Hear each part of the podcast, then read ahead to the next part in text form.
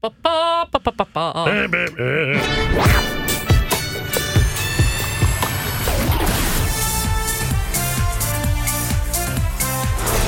God dag, god dag. Vi är tillbaka och förra gången så lämnade vi lite på ämnet Idol och Melodifestivalen för vi var inne lite på det här som kommer följa oss lite grann under årets säsong med kvinnor versus män i den här musiktävlingsbranschen och generellt faktiskt i musikbranschen. Ja, även om vi kanske mer fokuserade på musiktävlingen och specifikt då Melodifestivalen. Eh, Idol har ju precis avslutat så att det är ju också ett, så att säga, är en naturlig övergång då till, till eh, Melodifestivalen. Eh, men det var ju som sagt, Idol avslutades ju och då, då hände ju något annat Elaine. Ja, det gjorde det. Eftersom vi pratade så mycket om Idol så tog jag mig dit för att bevittna när den här mannen vann. Det, eller mannen var ju Tusse som vann då, kan vi ju nämna för de som inte vet det. Men när jag väl var där så var ju också Westlife där. Ja, vilken överraskning, det hade du ju ingen aning om innan. absolut inte. Elaine som alltså är gammalt Westlife- Westlife-fansen mycket, mycket långt tillbaka. Ja, eh, jag har sett alla deras konserter som de har gjort i Sverige och även typ tre, fyra stycken på Irland som är deras hemland. Men det var naturligtvis Idolfinalen du åkte för att titta på. Absolut. Naturligtvis. Heja Tusse! Ja, heja Tusse. Det var faktiskt skönt att Tusse vann, men det är en helt annan diskussion. Ehm, ja, och när jag var där och satt och snicksnackade med dem så visade det sig dessutom att framförallt Nicky och Mark då, som de, var de som jag pratade med, eh, älskade Eurovision. Eller älskar Eurovision. Nicky gör det fortfarande. Han har ju till och med varit med. Ja, och han älskade fortfarande trots det får man väl säga då med tanke på hur det gick. Ja, exakt. Och även fast Mark tydligen skickade mest till honom och sa om du kan hoppa av så gör det. det var lite för sent och han var redan i Stockholm när det här messet kom. Gud vad roligt. ja, men det här kommer de få berätta om själva tänkte jag. För det är ju inget kul för oss att sitta och berätta vad de sa. Nej, det blir bättre att de får säga det själva så ni hör det direkt ur hästens mun som man säger. Exakt. Så exklusivt nu då i Schlagerfesten-podden så ska vi få höra Westlife prata om Eurovision.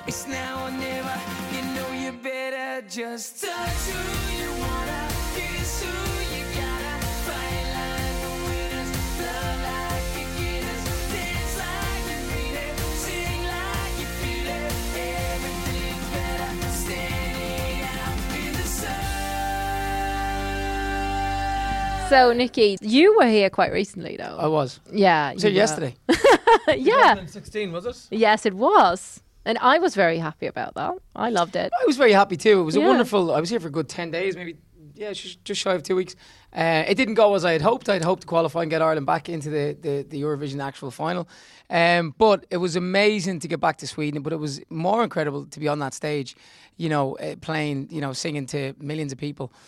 Scared, scared to be honest. And I did phone the boys from the hotel just down the motorway. There's a hotel with glass building that looks right on top of the globe. If you come out the motorway here, Is it called like the Great Hotel or something? it's the Great Hotel, and the, the room I was staying in was called the Great Great Room. And was it great? It was super, uh, but I, it's it was quite a, an emotional, a genuine emotional time for me because I was standing up that stage on my own, representing my country, our country, and you know it, that's not easy. That's really really not easy. Um, I did phone Mark and I said, you know, give me some tips. text? I, I, did I not phone you? Did you phone? I phoned Shane. I text. He texted me, and then I text him. Yeah, long text said, if you can get out of it, get out of it now.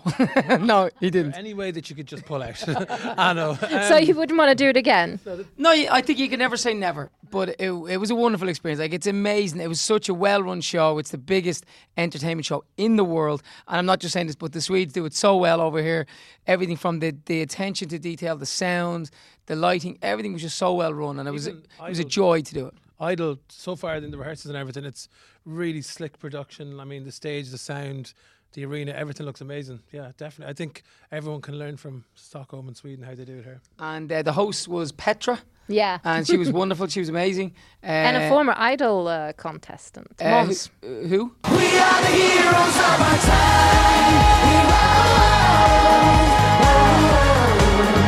Måns. Oh, Mons. Sorry, Yeah. Mons. Yeah, Mons. Yeah, he was in Idol. Because he won with Heroes at the year previous. He yeah, did. yeah, Ja, Nicky berättar ju här att han kände sig så himla välkommen i Stockholm och hade så himla trevligt här. Eh, och bodde på The Great Great Hotel. vi, vi vet inte vilket det är. Men Nej, jag har ingen aning vilket. Så det, jag vet att det bodde en massa delegationer på Grand, fint ska det vara Ja. såklart. Men sen, jag vet ju inte var den irländska delegationen bodde. Nej. Eh, men vem hade inte roligt i Stockholm 2016? Eller hur? Och så pratar han ju och berömmer den svenska produktionen. Och det är han ju inte ensam om. Nej men vi är ju, vi är ju bäst på det här. Alltså just när det kommer till Alltså Eurovision Song Contest som format så är det ju ingen som är bättre än Sverige på tv-produktion.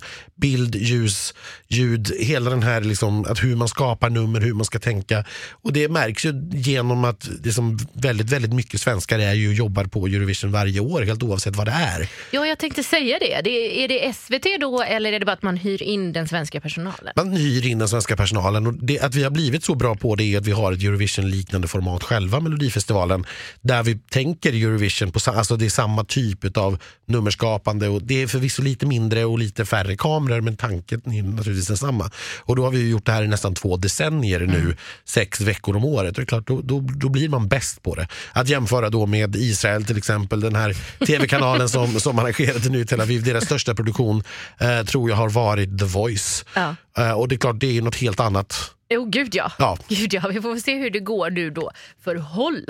Ja, jag menar, Holland har ju åtminstone så att säga eh, det, det är ett tv-bolag som har mycket erfarenhet av att göra konserter och att göra stora eh, tv-sändningar och program. Sådär. Eh, men vi får se hur mycket svenskar det dyker upp. Eh, några är det säkert. Ja.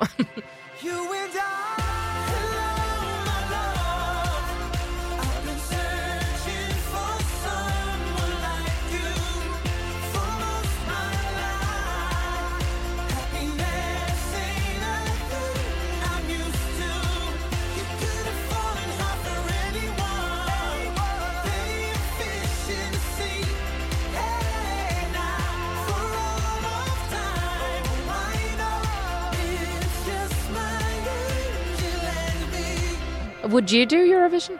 Well, I've I always, actually think you would, and I think you would win it. Over to Mark. So yeah, I'm entering Eurovision next year. Nikki's writing the song. Um, no, hon- honestly, I think both me and Nikki have always, before you ever done the show, we always spoke about how we had a mutual kind of love of the Eurovision. Um, when I was young, I sprained my ankle because I jumped off the like the top of the kitchen when Ireland won the Eurovision when Johnny Logan won. I jumped First off the top and second came time? down. Um, it, it was with um, 88, yeah. Hold me now. I've always been a big fan. I think it's gone on a journey, you know, um, in terms of what it represents, and I suppose the the genre has, you know, moved and switched around in different ways.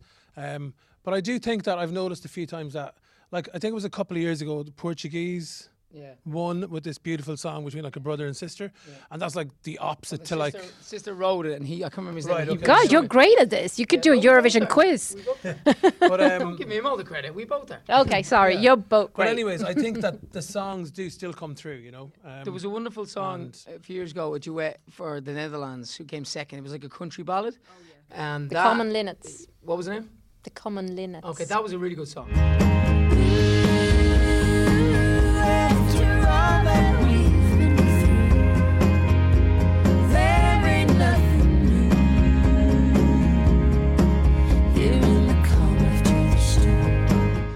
Also a song uh, from a Danish band called A New Tomorrow. That was long about ago was six this? years ago. Seven years. That was a great song. Come on, boys, come on, girls. In this crazy, crazy world, you're the diamonds, you're the pearls. Let's make a new tomorrow. What about when Celine Dion was in the Eurovision? Do you remember that? She won it for Switzerland. yeah, remember the name of the song? No. That was in Ireland. Called a Man.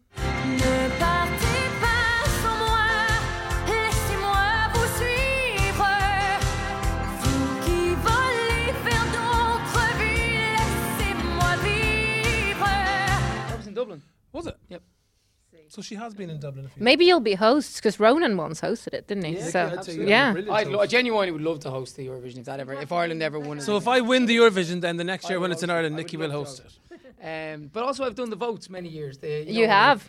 Uh, you have. I'm impressed. And Petra has said, "Good evening, Nikki. Uh, hello, Petra. Can I just Actually- say, you guys have put on a wonderful show in Sweden. Thank you so much. Did you know, Nikki, did I tell And you the that votes from our jury, when I was Bar. back, back when Ireland used Sweden, 12 points. Sorry.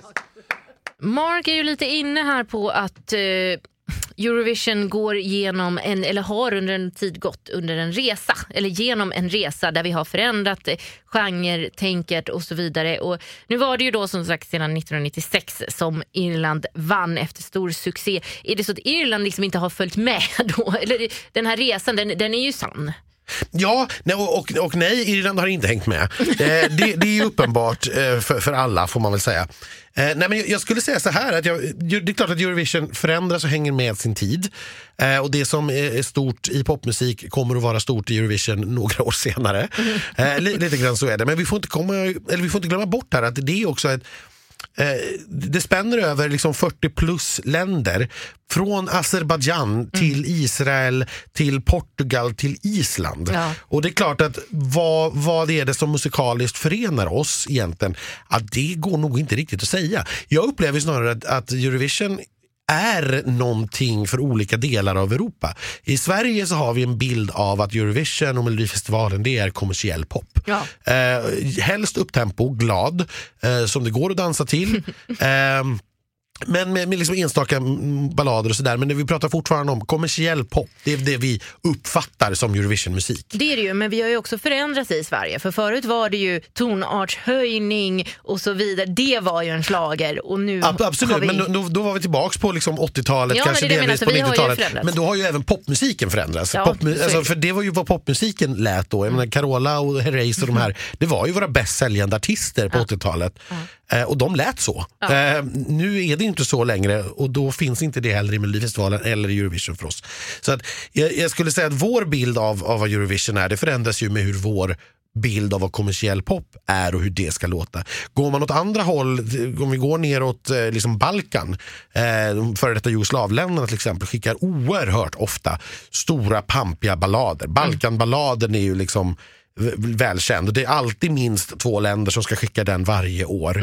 Eh, och trots att så låter inte alls popmusik i de här länderna. Nej. Lyssnar man på Balkanpop så är det långt ifrån de här stora liksom, folkmusikinspirerade Balkanballaderna. Men där har man fått för sig att det är det Eurovision är. Eh, tittar vi bortåt Azerbajdzjan till, det är väldigt amerikanskt. De köper ju in hela paket, ofta från Sverige. Eh, eller med amerikanska låtskrivare, producenter. Det låter väldigt liksom, amerikanskt. Och det kan låta så amerikanskt att det nästan är främmande till och med för oss i Sverige. Ja. Som är så genomamerikaniserade. Nej, men, och, Riktigt vad man har för bild av det på, på Irland vet ju inte jag eftersom jag inte bor där. Men tittar man Nej. på vad de skickar så är det väldigt mycket ballader. Det är ganska mycket folkmusikinspirerat men naturligtvis då med de irländska tonerna. Eh, Singer-songwriter verkar väldigt stort. Ja, det tråkiga är att det är ju så pop låter på Irland också. Ja, jag som då- ändå har koppling Ja, ja. kan jag säga det. Det, det är det. Och det är klart, det var väl länge sedan vi hade några stora irländska artister ute på, på liksom världslistorna. Vi, som sagt, vi har ju tidigare haft U2 och vi har haft, ja men Westlife och flera pojkband har ju haft koppling Boyzone, till ja. Eh, Irland. Vi har även, eh, jag har glömt vad han heter från One Direction. Niall Horan. Niall. Eh, precis, så att, men det var ju ett bra tag sedan. Ja, men det Eh, är, det. Niall Horan har faktiskt släppt en ny singel utan att göra reklam för honom på något sätt. Men, men är ju, han är ju ingen världsartist på egen hand eh, på samma sätt. Men han, absolut, och han var ju inte den enda i bandet heller. Nej. Men i övrigt, alltså, Ed Sheeran har en koppling till Irland. Han har en irländsk farmor. Eller Ja, men, men det är fortfarande inte så. Alltså, det, Nej, nej, om man lyssnar på den inhemska popmusiken på Irland. Nej, så den når så- inte... så The är- Script har vi. Ja, eh, okej. Ja, du ser. Ja. Eh, men, men, men det verkar inte som att den har en koppling till vad folk upplever att Eurovision ska vara Nej. på det sättet. Eh, för då hade det nog inte låtit så. Och, och det går inte att säga vad som är rätt eller fel här. För det är inte så att eh, liksom alla i Nederländerna går och, och lyssnar på långsamma pianoballader som handlar Nej. om spelhallar dagarna i ända. Utan, utan det här är ju mer vem som råkar vinna, ju mer slumpen på, Mm. Ja. på något vis, vem som råkar vara bäst. Men Eh, det, det, det är helt omöjligt att prata om en Eurovision-genre för den kommer att variera helt beroende på varifrån du är. Att, när vi tänker på den typiska Eurovision-låten. Ja, men jag tänker att vinnaren har ju ändå gått i... Och, alltså upp och ner i eh, vad det är för typ av låt. Liksom. Ja, och som, som de själva nämnde här då, till exempel Portugal eh, är ju en väldigt, väldigt eh, apart låt. Ja. Och Portugal har ju alltid varit väldigt, väldigt aparta. Ja. Eh, och nu helt plötsligt så funkar det och det kommer naturligtvis, om de fortsätter skicka den typen av låtar så kommer det naturligtvis dröja 50 år till innan det funkar nästa gång. Det är inte så att Portugal liksom har hittat en formula. Det är inte så att de har hittat på någonting som gör att de nu helt plötsligt kommer att vara med upp i toppen. Så Nej, och jag tycker inte att det är som på 90-talet heller där det var samma typ av låt som vann år på år. För att nu är det ju väldigt olika låtar som vinner varje år. Ja, och det är dessutom en stor del telefonomröstning nu vilket påverkar. Då var det ju jurygrupper som tyckte att de, de, här, de här irländska singer-songwriter-balladerna det var det bästa vi visste. Ja, ja visst, så är det ju. So you can edit all of this part out. Well, Sweden are on seven or six, and we Ireland are on seven. we haven't won it in thirty odd years, though. That's you've won it twice. in How the long? Thirty. Well, when it, Who, Linda Martin? Uh, what have we? No, Neve Kavanagh was it? No, Rock and Roll Kids. No, Neve Kavanagh was after. Was she? Yeah. Okay. App, app, app, app. Nu, jag må- måste ju vän av ordning här rätta oss själva. Jag vet ju hur det är när man sitter och, och pratar live och sådär och, och så glömmer man bort saker och så blir det lite fel. I synnerhet när det gäller Irlands segrare på 90-talet för det är så fruktansvärt många. De kom på rad. Ja, och det är helt orimligt så här sett i efterhand när man hör de här låtarna.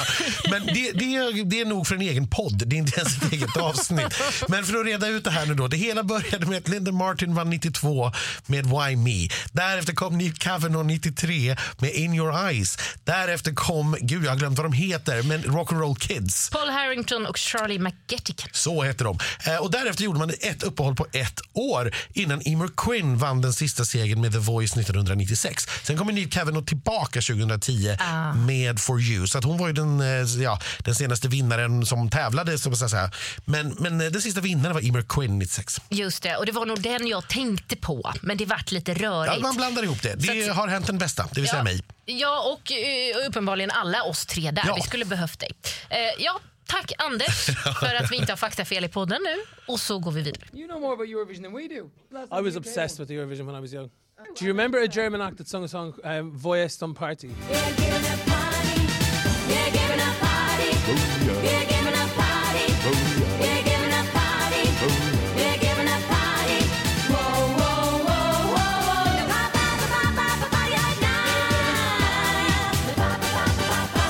I literally watched that performance like 90 times a day. It was like crazy camp kind of mad song. Um, it was a lot of fun. And there was a guy that went, oh yeah, oh yeah. What about ooh ah, just a little bit, ooh ah, a little bit more? Who's that? Gina G.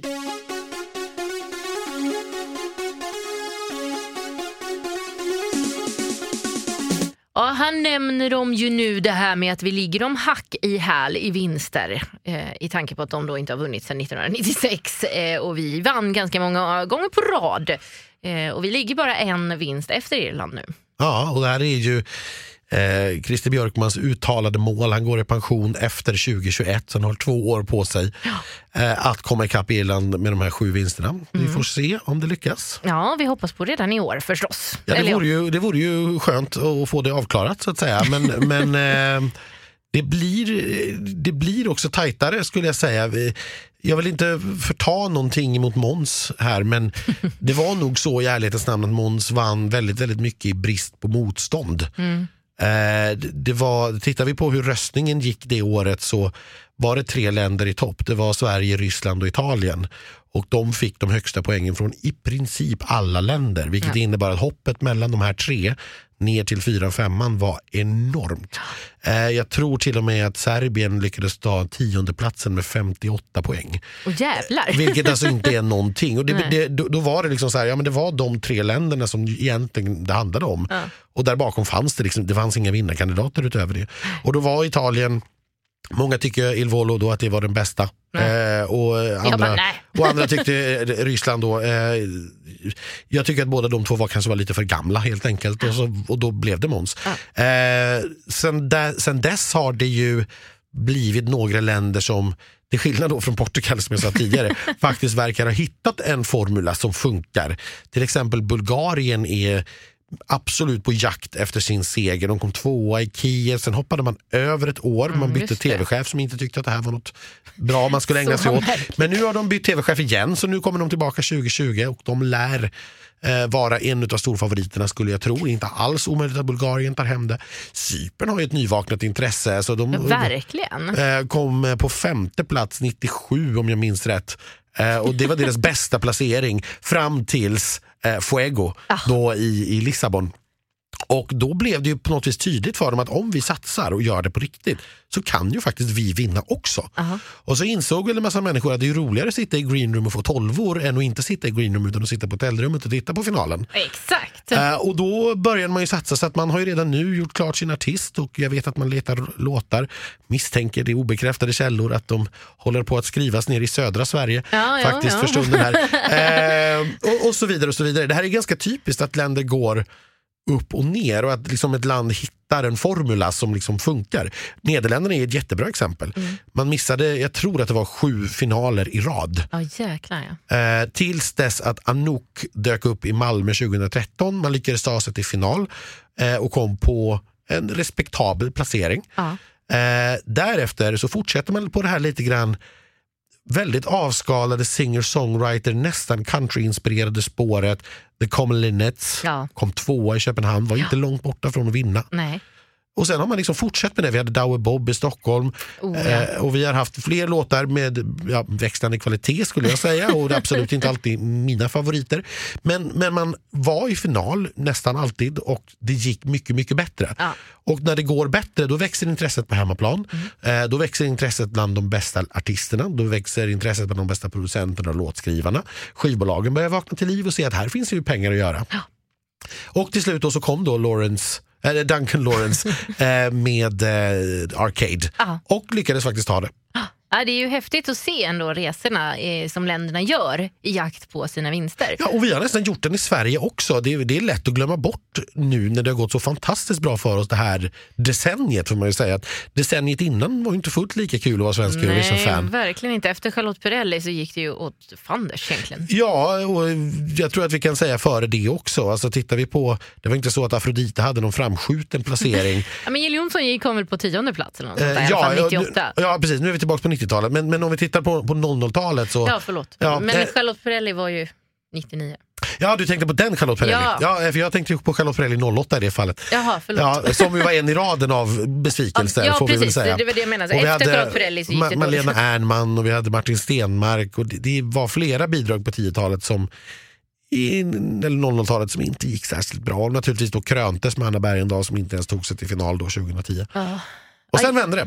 Men sen hände det ju. Vi behövde den där kanske otroligt dåliga placeringen för att bara så här, shit nu måste vi shape it up. Ja, det, ja, jag tror och det som hände var också att vi fick en liten vi kalibrerade vad vi tyckte att Eurovision skulle vara. För Ja. att det var trots allt, så här, ja, men Malena Ernman älskar ju Malena Ernman och älskar ju The Voice också men det har ju inte så mycket med popmusik att göra. Nej. Eh, och, och Martin Stenmark, Las Vegas, jag vet inte om någon skulle lyssna på den frivilligt. Jag är lite så här oklar. Alltså, det är kanske också ett helt eget avsnitt, men hur kunde den vinna överhuvudtaget? Vi har så många oklara vinnare. Ja, nej, men det, var liksom, det var som att vi röstade på något annat än det vi liksom annars skulle ha lyssnat på. Men sen var väl Martin Stenmark lite ny och lite snygg och lite Absolut. trevlig. Liksom. Eh, och, och, och det var ju inte en dålig låt, det, det är klart det inte är. Men, men det, var så här, det, det, är på något vis, det var inte det, det var inte den stora hitten. Nej. Eh, och vi ska inte hänga upp oss på enskilda år så, men det var, på något vis kändes det som i hela Melodifestivalen vilka bidrag som tog sig till final och sådär. Att det var en väldig experimentlusta.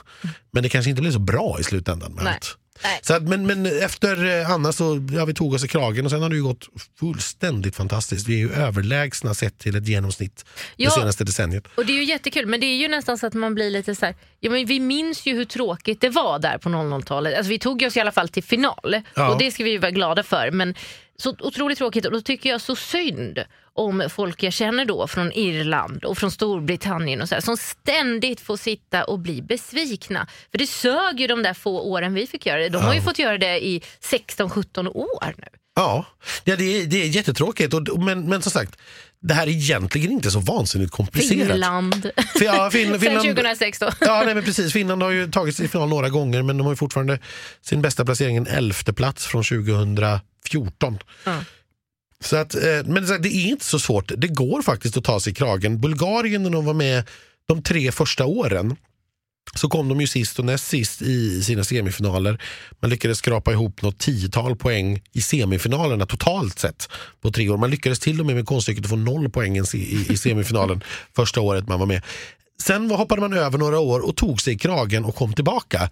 Eh, och och liksom lyckades då, man har en andra plats och man är riktigt, riktigt högt upp. Men då satsar man ju på det också. Då ser man ju till att man skickar bra låtar med bra artister. Inte någonting som är lite så för skojs skull. Det kan man ju göra såklart. Det är ingen som begär att man ska ta det här på blodigt allvar. Det är bara en tv-show.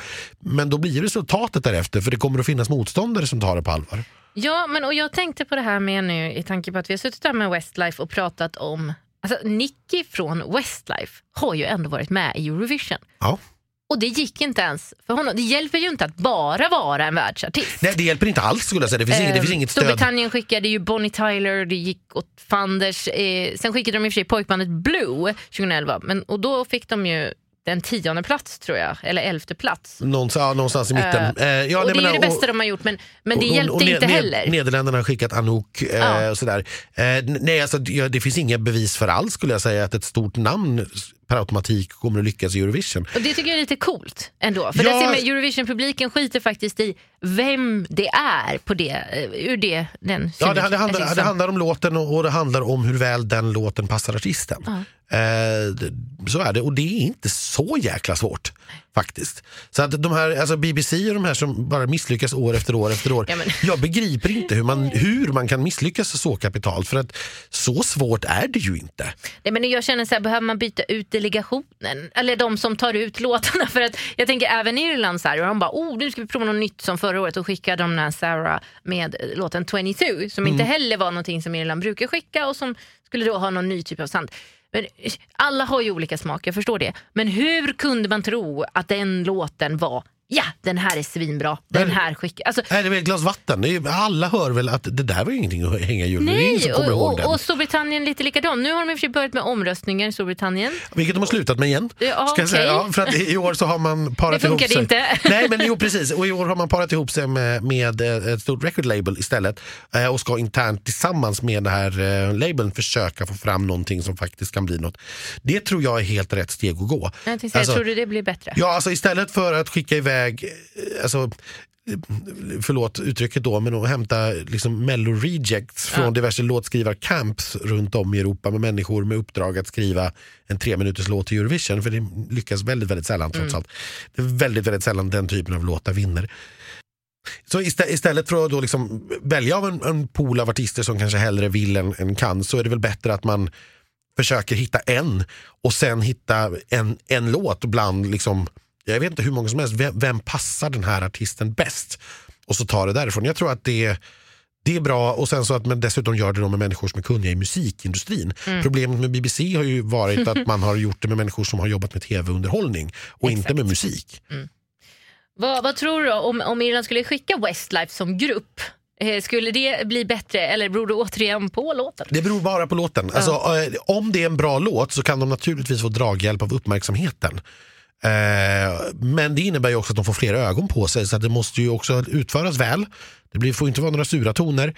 Eh, och, Det har de sällan ska jag säga. och eh, och som sagt, låt, låten måste vara bra. Den måste vara nu.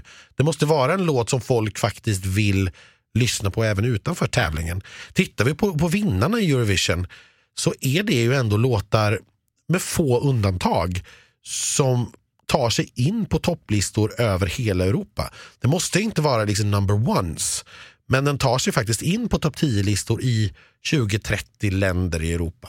Ja, men det märktes ju när de skickade den här Together med Ryan O. Chosny, det här outtalbara namnet. Eh, att där fick de ju se att ett uppsving eh, på grund av att låten var ju det var i deras genre men den var- ändå modern och så hade den ett så fint då, tema med, som var modernt. Eh, och då funkar det. Ja. Men sen så bara tvärvände de ju igen och eh, hopp. Jo, men det var ju ett, att följa. Där, där var ju ett bra exempel där eh, låten som kanske inte var så jättemycket att hänga i julgranen ändå passade väldigt bra ihop med artisten och så gjorde man ett väldigt, väldigt snyggt nummer som lyfte det hela ytterligare. Och det är ju när de där tre komponenterna jobbar ihop som man får bra resultat. Men det är så märkligt att man inte tog fasta på det då. Och Ja, förstod det- att aha, det här var ett, liksom, det, det, som andra länder har gjort. Okej, det här funkade. Nu fortsätter vi på det här tills vi liksom kommer någon vart. Ja, det, det, eh, det är konstigt. Men som sagt, jag, jag tror inte att Westlife i sig drar speciellt mycket röster. Det, det tror jag inte. Alltså, stora delar av Europa är ju helt ovetande om vilka Westlife är. Precis, det är ju det man inte får glömma. För det har jag också tänkt på när man har skickat såna här kändisar som är så kända i västvärlden.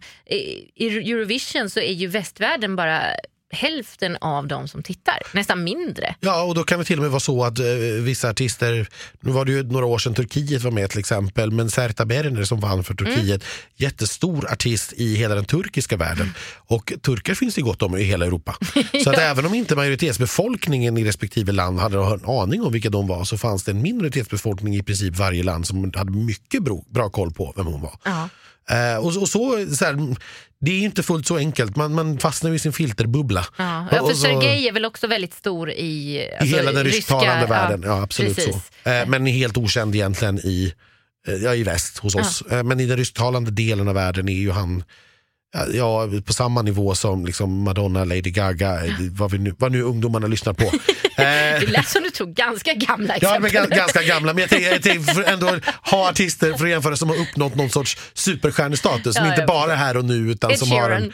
Ja, han är väl på väg dit. Ja. Ja. Mm. Vi säger det. Adele. Adele, ja, Ja. Bra, bra, bra. Men det är faktiskt ganska häftigt i alla fall att kunna säga att vi på Schlagerfesten fick prata Eurovision med Westlife och nu har vi även pratat Eurovision med varandra och det är ju, det låter kanske långt bort för er men det är faktiskt högaktuellt ändå. Ja, alltså flera länder har redan eh, talat om vilka artister de ska sjunga, eller som ska sjunga för dem eh, och, och letar låtar. Albanien brukar som traditionsenligt gå ut med sin nationella final. De har finalen den 22 december. Vill man titta på det så föreslår jag att man laddar upp med väldigt mycket glögg. Den Ja. brukar pågå i fyra till sex timmar och kräva enorma mängder alkohol Åh, att ta sig herregud. igenom. Det, det är smärtsamt är det faktiskt. Eh, och, Där är det bara skrikande kvinnor. Eh, nej, men väldigt mycket skrikande Ja. Mm. kvinnor på språk du inte förstår därför att man måste sjunga låtarna på eh, albanska eller skip som Ja. det heter då i deras final. Och det är liveorkester och alltihop så att det är långklänningar och gala och eh, väldigt, väldigt långt. Det, det, det, det är ingenting jag kan rekommendera till någon. Nej, Eh, nej, men, men om man skulle vilja men då, om man skulle vilja. sätta sig för detta. Ja, nej, och sen, eh, sen kommer det ju rulla på. Så fort vi kommer in i januari och på andra sidan årsskiftet så kommer det fler och fler eh, nationella uttagningar. Den 28 januari är semifinallottningen. Då får vi veta vilken eh, semifinal Sverige ska tävla i i Rotterdam. Eh, och så vidare och så vidare. Så att, nej, det, det kommer att gå jättesnabbt. Till, sen är vi igång och då, då, eh, ja, då blir det åka av. Ja, och innan vi avslutar för dagen detta Westlife slash Eurovision avsnitt så vill vi bara bekräfta att Anna-Charlotta Gunnarsson pratade vi om att vi skulle vilja ha som gäst i podden på temat Vad händer med eh, kvinnorna i musikvärlden och framförallt i musiktävlingarna. Eh, så nästa vecka dyker hon upp i podden och då tar vi vid på det här ämnet. Ja, en alldeles för intressant diskussion för att eh, hoppa över. Men vi var tvungna att ta en liten paus nu när Westlife dök upp. Ja, det Ja. kan ha varit mitt fel. Kan ha varit så. Jo, men eh, hoppas ni har gillat det här ändå och kanske har vi hittat några nya lyssnare nu via Westlife. Eh, hoppas ni stannar kvar i så fall. Ha en trevlig vecka. We were the rock and roll kids. Rock and roll. We were the rock and roll kids. Rock and roll was all we did.